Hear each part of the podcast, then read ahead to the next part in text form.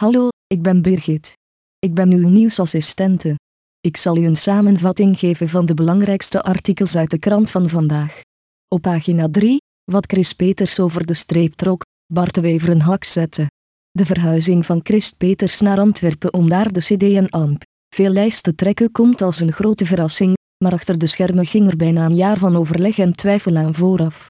Begin 2016 al postte de Antwerpse CD en AMP VRSM of hij het boegbeeld wilde zijn dat ze zo nodig hadden.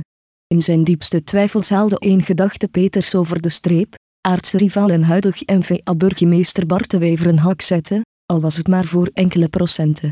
Op pagina 3, heldendaad of politieke zelfmoord. Moed is de elegantie in de vuurlinie, citeerde Christ Peters gisteren de Amerikaanse schrijver Ernest Hemingway. En ook bij CD en AMP, V deden ze er gisteren alles aan om hun nieuwe kopstuk in de markt te zetten als een vechter. Maar hoe groot is de kans dat Peters een nieuw electoraal pak krijgt van Bart de Wever en afstevend op een vroegtijdig einde van zijn politieke carrière? Op pagina 4, waar we gaan wonen? Dat mag mijn vrouw nu eens kiezen. Ik ga niet naar Antwerpen om te verliezen. CD en AMP. V-kopstuk Christ Peters trekt twee jaar voor de gemeenteraadsverkiezingen al zijn harnas aan om in het stad de strijd aan te gaan met burgemeester Bart de Wever. Hij waarschuwt tegelijkertijd voor te hoge verwachtingen. Het NVA-boegbeeld op eigen terrein verslaan, daarvoor is CD en AMP, V in Antwerpen niet groot genoeg. Maar in 2018 scherp rechter spelen, dat wel. Wij willen vooral mee bepalen wie dan de lakens gaat uitdelen. Op pagina 6 voert de federale politie het onderzoek. Doe ze de groeten. Uit enkele uitgelekte opnames blijkt dat de familie van Stijn Salens na zijn verdwijning telefoongesprekken voerde met een ex-justitieminister en met een parketmagistraat. Het onderzoek dat in 2013 moest nagaan of de speurders zo werden beïnvloed, was volgens ter zake niet volledig. We zullen opnieuw bekijken of fouten zijn gemaakt, reageert het Gentse parket-generaal. Op pagina 7, tiener nagelt vermeende pedofiel aan schandpaal.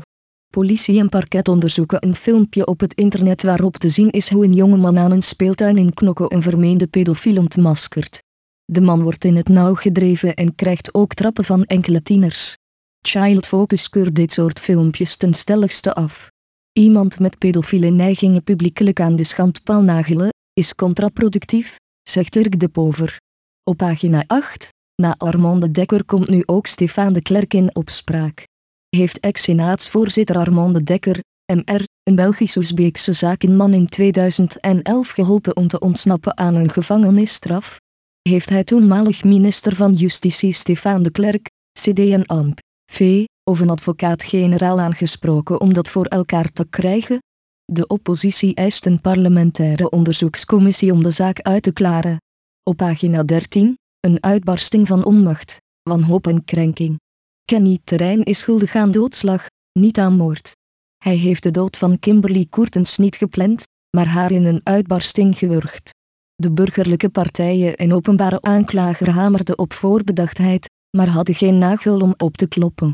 Terrein kan vandaag maximaal 30 jaar cel krijgen. Op pagina 14, het stinkt bij Miss Exclusive. De helft van de kandidaten doet een dag voor de grote show plots niet mee zegt niet onder een workcontract uit te kunnen en noemt organisator Ken Stevens een manipulatieve oplichter. Eén ding is zeker, achter de schermen van Miss Exclusief de tegenhanger van Miss België is het oorlog. Op pagina 15, test geslaagd.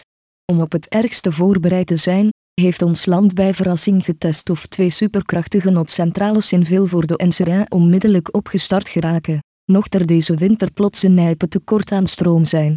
Op pagina 15, als je uitgeblust raakt door je kind. De burn-out op het werk en de postnatale depressie kenden we al, maar ouders krijgen nu te maken met een nieuw fenomeen, de parentale burn-out. Tot 12% van de Belgische ouders kampt ermee. De druk om de beste ouder te zijn neemt almaar toe, zegt psychologe Isabel Roskam. Alleen botsen we op onze eigen grenzen en die van onze kinderen. Op pagina 18.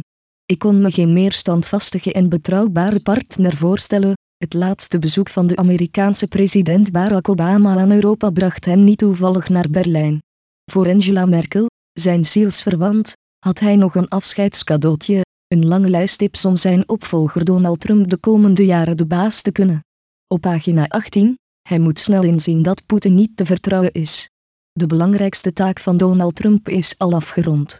Hij heeft Hillary Clinton uit het Witte Huis gehouden, Edgar Alport, 74, Navy-veteraan en gepensioneerd handchirurg voelt niets dan afkeer voor Clinton. Totaal corrupt, een pathologische leugenaar en goed op weg om van Amerika een socialistisch land te maken. Nee, dan nog liever Trump. Op pagina 21, hoe H&M het nieuwe merkenwinkelstrategie helemaal inpalmt. Alweer strijkt een telg van H&M neer in ons land. In Antwerpen opent vandaag de eerste winkel van Weekday, een sportief concept voor jonge hipsters. Dat terwijl we de afgelopen jaren ook al konden kennismaken met COS en AMP, Other Stories, H&M, M Home en het denimmerk Cheyap Monday. En toch is er nog geen risico op H&M en moeheid. Ze vertrekken vanuit een doelgroep. Ze slagen erin om nieuwe ketens te maken op maat van hun klanten. Op pagina 24, vette marketing, mager bisje. Kan Metallica de Metal Corona enkele moeilijke jaren heroveren? Met een zelden gezien marketingoffensief inclusief clips voor alle twaalf nummers van het album en verrassingsconcerten in kleine zaaltjes lanceert die band vandaag zijn lang verwachte nieuwe plaat. Maar achter de vette marketing schuilt een te mager bisje. Op pagina 27, terug naar school als moordenaar van June. Speciale dag voor de 17-jarige Bas van Veert, die Cedric speelt in familie, vanaf vandaag gaat hij door het leven als de man die in de reeks June van Damme heeft vermoord. Meer dan vier maanden lang piekerde de fan zich suf over de identiteit van de dader. Op pagina 34, Hamond krijgt eenrichtingsverkeer en twee fietsstraten in centrum. Het centrum van Hamond wordt heringericht, met eenrichtingsverkeer en twee fietsstraten. De Achelpoort krijgt een rotonde en tussen het klooster en de posthoorn wordt een woonproject gepland met heel wat openbare groene ruimte. Eind deze maand buigt de gemeenteraad zich over het bijgewerkte masterplan voor Hamond Centrum. Op pagina 36, Hasseltse softwareontwikkelaar Spark Central haalt 20 miljoen dollar op. Spark Central, het Amerikaans-Belgische bedrijf van de jonge Limburger Davy Kestens, 28, heeft in een nieuwe kapitaalronde in totaal 20 miljoen dollar, 18,7 miljoen euro, bij verschillende investeringsmaatschappijen opgehaald. Met het geld wil Spark Central vooral zijn aanwezigheid in Europa, het Midden-Oosten en Azië, EMEA, versterken. Op pagina 37, ABVV voert actie bij Plucon tegen ontslaghoofdafgevaardigde. De ABVV-arbeiders bij pluimveeslachterij Plucon in op Grimby hebben gisteren actie gevoerd tegen het ontslag van hun ABVV-hoofdafgevaardigde. Ook protesteerden ze tegen het feit dat bij Plucon een derde externe firma zal worden ingezet. Op pagina 39, tal van vultoerenners zoeken nog een ploeg. Dan weet je het wel. Dries Hollanders, 30, en Sander Helve, 26, spelden voortaan geen rugnummer meer op. Het wordt wennen voor onze twee gauwgenoten. Op pagina 46, met deze jonge groep de titel halen, zou buitengewoon zijn. Wie zegt dat René Weiler, 43, gereserveerd is of niet tegen kritiek aan? De Zwitserse coach van Anderlecht stond in het oog van de storm na de 4 op 12 in de competitie. Zijn uitspraken dat RSEA te veel vasthoudt aan zijn roemrijke verleden en zijn soms onvoorspelbare wie zet er de schacht nu op rechts ingrippen, maar Weiler stond ons openhartig te woord. Tijd en transfer zijn nodig om van dit Anderlecht de titel favoriet te maken. Op pagina 48, mijzelf veranderen? Dat is een teken van zwakte. Je nes pas een trigger, wie Ludovic Butelle, 33, ervan beticht een muilentrekker te zijn, doet zijn bloed koken. De doelman van Club Brugge tracht een eerlijk voetballeven te leiden. De ploeg prijzen als het goed gaat, zich persoonlijk verantwoorden tegenover de supporters wanneer hij sportief door diepe dalen gaat. Zoals dik twee maanden geleden. Vandaag heeft de Fransman zich herpakt. Op pagina 51, wij willen geen lof, wij willen punten.